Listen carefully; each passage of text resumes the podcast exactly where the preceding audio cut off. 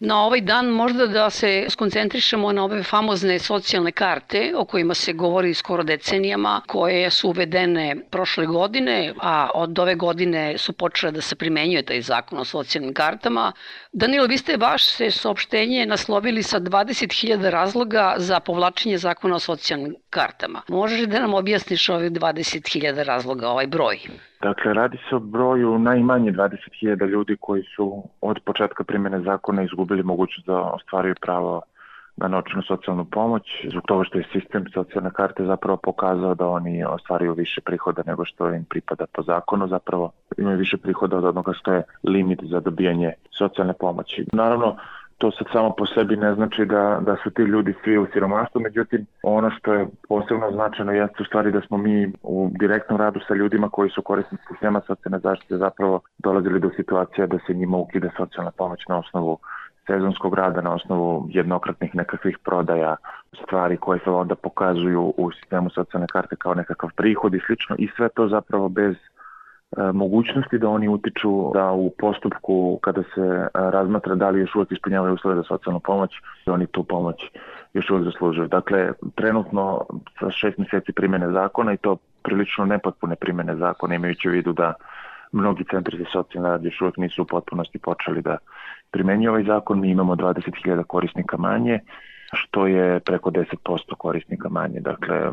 potpuno e, neshvatljiva smanjivanje broja korisnika u odnosu na kretanje koje se tiče siromaštva i svega onoga što zapravo bi trebalo takođe da bude onda praćeno ovim brojkama. Bilo je govora da otprilike u Srbiji ima, eto da kažem po nekim procenama, 500.000 ljudi, znači pola miliona ljudi koji žive po svim kriterijumima u teškom siromaštvu. Jedba polovina ostvaruje pravo na socijalnu pomoć novčanu i sad još ovo smanjenje imamo. Ta disproporcija se još povećava, zar ne? Mislim da je na delu vrlo svesna politika koja se sprovodi ovde, a to je da mi radimo reformu sistema socijalne zaštite od kraja. Sva pitanja koje se tiču pristupa socijalne zaštite, loše targetiranosti korisnika, nemogućnosti pristupa socijalne pomoći za one kojima je potrebna,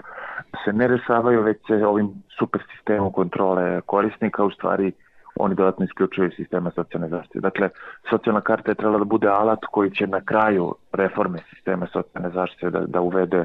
bolju efikasnost sistema zapravo i veću transparentnost u krajnjoj liniji toga gde novac odlazi, međutim ona je se svela zapravo na, na ono što smo sve vreme govorili, a to je masovnu kontrolu korisnika koja neće dovesti ni, ni do čega drugog osim do njihovog smanjivanja njihovog administrativnog smanjivanja broja korisnika socijalne zaštite, što samo po sebi povlači naravno i manje iznos iz budžeta za socijalnu pomoć i sve ono što već godinama imamo prilike da vidimo kako se Srbija bavi borbom protiv siromaštva, odnosno borbom protiv siromašnih, ja bih rekao mi trošimo 0,2% budžeta na novčanu socijalnu pomoć. To je sramotno malo. Pa tako je, to je sramotno malo, to je toliko malo da zapravo kada upoređujete sa nekakvim drugim novčanim davanjima koje država izdvaja, to je potpuno zanemarljivo. U situaciji u kojoj zaista imamo ogroman broj ljudi koji žive u siromaštvu, dakle stopa rizika od siromaštva je po najnovijim podacima 21,2%, dakle svaki peti ali, građanin u Srbiji je u riziku od siromaštva, to su podaci Republičkog zavoda za statistiku objavljeni pre dva dana. Uz sve to vi imate socijalnu pomoć koja je oko 80 evra mesečno, čak ispod toga za pojedinca. Zamislite samo šta sa 80 evra mesečno može da se, da se uradi, kako može da se preživi. Taj iznos od 80 evra mesečno po pojedincu je zapravo nešto što je potpuno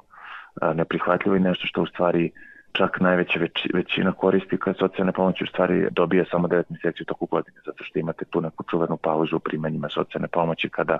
korisnik u stvari treba sam da se snađe za ta tri meseca, podrazumevajući se zapravo da će on tada da obavlja sezonske poslove ili neku drugu vrstu radnog angažovanja. Sve kad se sabere, to je zaista smešno malo novca se izdveje za socijalnu pomoć i istovremeno se užasno puno kontrolišu korisnici socijalne pomoći kao da se deli ne znam šta zapravo sukcesivno se smanjuje iznos, recimo udeo budžeta za socijalnu pomoć, to je zapravo ono što se definitivno može vidjeti, dakle udeo u BDP-u koji se izdvaja za socijalnu pomoć je i svake godine sve manji i manji. Zato mislim da nije loš onaj predlog koji je Fiskalni savjet pre neki dan izneo da se poveća izdvajanje iz budžeta na 3,9% od BDP-a. Mi nemamo strategiju borbe protiv siromaštva, uvele su se ove socijalne karte o kojima smo već pričali i istovremeno ove godine je ukinuto to jedno jedino telo koje se zapravo formalno bavilo borbom protiv siromaštva, to je bio tim vlade Republike Srbije za socijalno uključivanje i smanjenje siromaštva koje od 1. januara ove godine prestao da, da funkcioniše. Dakle, vi kad pogledate i administrativno i kroz ova budžetska davanja i kroz institucije koje se bave ovim pitanjem, vidite potpuno odsustvo interesovanja države da se bavi ovim pitanjima i vrlo jasnu odluku koja govori o tome da to više nije tema. U toj strukturi ljudi koji primaju novčanu socijalnu pomoć, ko je tu najviše zakinut? To je dosta veliko pitanje na koje ja mislim čak sistem sam nije odgovorio, da nema dovoljno jasnih podataka o tome ko su oni korisnici koji su zapravo najviše zakinuti. Ono što svakako jeste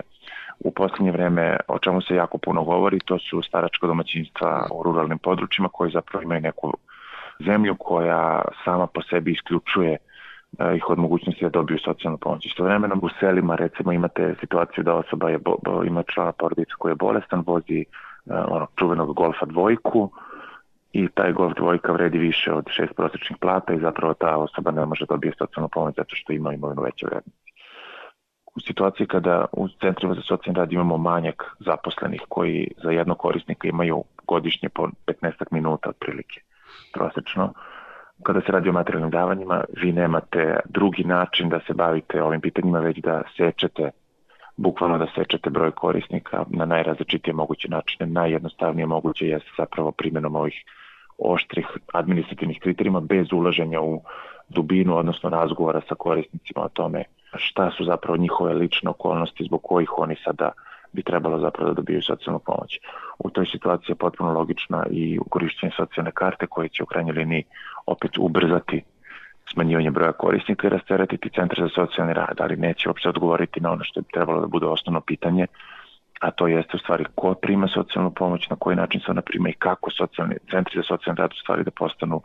proaktivni, odnosno da oni vrše svoju funkciju pružanja brige o tim ljudima na način koji neće biti takav da sede u kancelariji i čekaju da neko dođe i podnese zahtev. Sad kao umesto ljudi mi ćemo da damo algoritmu da odlučuje ko će dobiti novac za hleb i za jogurt.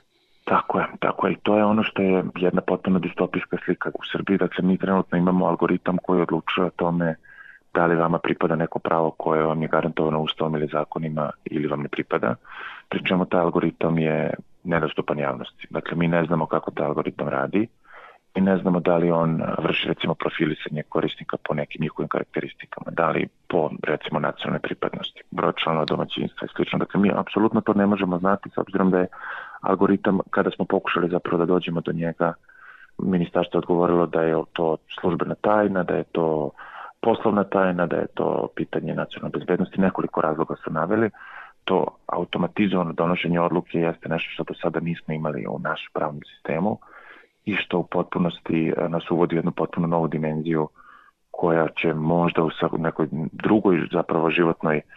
situaciji sada građanima biti uvedena kao potreba radi povećanja efikasnosti,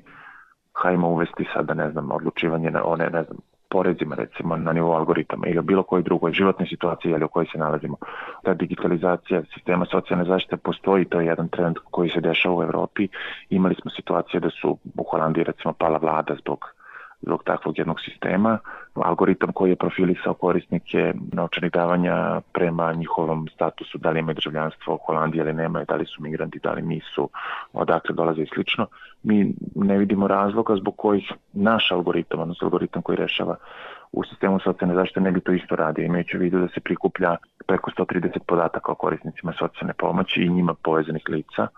Čekaj, 135 beše podataka, ne razumem šta, broj cipela, broj očiju, mislim, ne znam, obim pa, grudi, šta je, ne, koji su to podaci, pa to ni policija nema. To zapravo ni policija nema, tom količinom podataka ne rukovodi ni policija, dakle imate od nacionalne pripadnosti mesto kad ste zaključili brak, da li ste zaključili brak, da li ste udati, niste udati, podaci da li posjedujete oružje i pored svega toga zapravo podaci o licima koji se smatraju sa vama povezanim licima, što je manje više svako u suštini, dakle članovi domaćinstva, bivši partneri, bivši vanbračni partneri, e, dakle jedan ogromna količina... Čekaj, kako, ne razumem to bivši vanbračni partneri, pa mi ima ih nekoliko, pa šta? To je pitanje o kom smo takođe pokušali da razgovaramo još za vreme te javne rasprave, kada se zakon pripremao. Dakle, bivši vanbračni partner bez imenovanja koji bivši vanbračni partner, a po prirodi stvari ljudi imaju više od jednog bivšeg vanbračnog partnera, da zapravo da vi neko može u nekom trenutku da izvuče sada nekog jeli ovaj vašeg bivšeg vanbračnog partnera i kaže e pa on prima toliko pre 20 godina recimo pre 25 i tako. zapravo zakon ne kaže na koji način se njegovi podaci koriste. Druga stvar koja je značajna jeste da u stvari se ovde ne radi samo o, podacima koji su u sistemu socijalne zaštite već o podacima koji su deo, u sistemu boračke invalidske zaštite i dečje zaštite. Dakle vi imate tu po prirodi stvari verovatno nekoliko miliona ljudi u sistemu socijalne karte kada ona u punom svom obimu krene da funkcioniše. Pošto, dakle, imate barem jedno 600-700 hiljada ljudi u tim sistemima, plus sa njima povezana lica, dakle, par miliona sigurno ljudi koji će, čiji će podaci biti u nekom registru koji se zove socijalna karta, koji služi zapravo samo radi kontrole onih koji primaju neku vrstu naknade iz budžeta zbog svoje socijalne ili neke druge ugroženosti. E sad, Danilo, samo da se vratim kratko na jednu stvar koju si pomenuo, nepokretna imovina. To me vraća na onu temu koju si ti pomenuo, a to su ova staračka domaćinstva. Po podacima ovoga zavoda za statistiku Republike Srbije, dakle, mi imamo, ne znam, da, milion i 300 hiljada ljudi koji radi u poljoprivredi i tako dalje. Polovina je praktično starija od 65 godina dolazimo do toga da u velikom delu Srbije zapravo imamo ta staračka domaćinstva, često su to žene koje su recimo naživale svoje muževe, koji imaju neku zemlju koju ne mogu da obrađuju. To je stvar koja je, koliko sam ja razumela, i u Crnoj Gori desetkovala broj korisnika socijalne pomoći, jer tamo je čak 30% e, smanjen posle uvođenja socijalne karte ovaj broj korisnika, da. zbog sta, nekih starih ljudi koji žive na nekom kršu i kao imaju neku zemlju koju ne mogu ni da obrađuju, ni da prodaju, ni ništa ne mogu u stvari sa njom. Tako je, to je ozbiljan problem, to su stotine hiljade zapravo ljudi koji ne mogu da pristupe, već sada ne mogu da pristupe sistemu socijalne zaštite zbog toga što u stvari je zakon o socijalnoj zaštiti njih isključio, dakle oni ne smije imati zemljište koje je površine veće od jednog hektara ako su nesposobni za rad priča se o tome da bi trebalo tu površinu povećati kako bi se omogućilo u stvari staračkim domaćinstvima, pogotovo na selima, jeli, da mogu da pristupe sistemu socijalne zaštite, ali imajući vidu kakve su okolnosti s kojima se suočavamo, ne bi me čudilo da zapravo zakon kada bude bio promenjen bude još gore od ovoga što sada ima. U svakom slučaju jeste zakon je donet zapravo isključivo radi smanjivanja broja korisnika i to se videlo od početka i to je zapravo sa primjenom zakona postalo potpuno jasno. Ono što je srećna okolnost, ja bih rekao u ovom trenutku, jeste da ne koriste svi centri za socijalni rad, socijalne karte još uvek zbog različitih razloga, da su svi se centri za socijalni rad počeli da koriste socijalne karte, mislim da bismo imali smanjivanje broja korisnika od sigurno 40%. Sad smo na 10, malo preko 10, zato što sistem nije u potpunosti počeo da funkcioniše ta priča o tome da socijalna karta sada će biti proaktivna, odnosno omogućit će centrima za socijalni rad da budu proaktivni prema korisnicima, to apsolutno nije moguće. Zbog toga što u stvari centar za socijalni rad i dalje nema podatke o onim korisnicima koji se njemu nisu obratili. Dakle, u socijalnu kartu ulaze oni koji su podneli zahtev. Ako ja nikad ne podnesem zahtev ne znajući da imam pravo na socijalnu pomoć, centar za socijalni rad nikad neće znati da treba meni da odobri socijalnu pomoć. Dakle, vrlo jednostavna stvar, ali istovremeno to predstavljanje celog zakona kao nekakvog čarovnog zaista rješenja e, za sve probleme u sistemu socijalne zaštite dovelo do toga da mi u stvari zaista nemamo s kim da razgovaramo na temu šta su socijalne karte, kako se one primenjuju i da u stvari imamo tu jednu kreiranje paralelne realnosti. Dakle, s jedne strane imate ministarstvo koje govori kako je sve u redu, kako zapravo zakon funkcioniše i čak pohvale centrima za socijalne rad koje primenjuju zakon. S druge strane imate ljude koji žive u dubokom siromaštvu, koji bukvalno gladuju i nemaju kako da se greju, koji se nama obraćaju zato što ta socijalna karta njih isključuje iz sistema. Isključiš ljude koji po, tako da kažemo, automatizmu dobijaju novčanu nadoknadu, a onda kažeš evo vam 5000, evo vam 10.000, evo Vučić vam je dao ovo ili vam je država dala ovo? Pa to je zapravo da, ta dobra igra u stvari koju država radi već godinama sa socijalnim pravima generalno. Dakle, mi smo se učili od toga da su to prava koje nama pripadaju, to su postala pitanja e, milostinje, zapravo nečega što će neko dati kada ima, dakle ona čuvena onaj čuveni snimak iz Jagodine kada Palma deli onaj novac 3000 za gospođu, 2000 za gospodina i slično, gde se cela Srbija smela, u stvari nije ništa smešno. Zapravo je... To je sistemski a, tako postavljeno. To je sistemski postavljeno da u stvari vi nemate, da ste vi se odlučili jeli, od toga da imate pravo, kao što su i ovih 100 evra svakome i 50 evra svakome i to su mere koje nemaju apsolutno nikakve veze niti utemeljenja u, u bilo kakvoj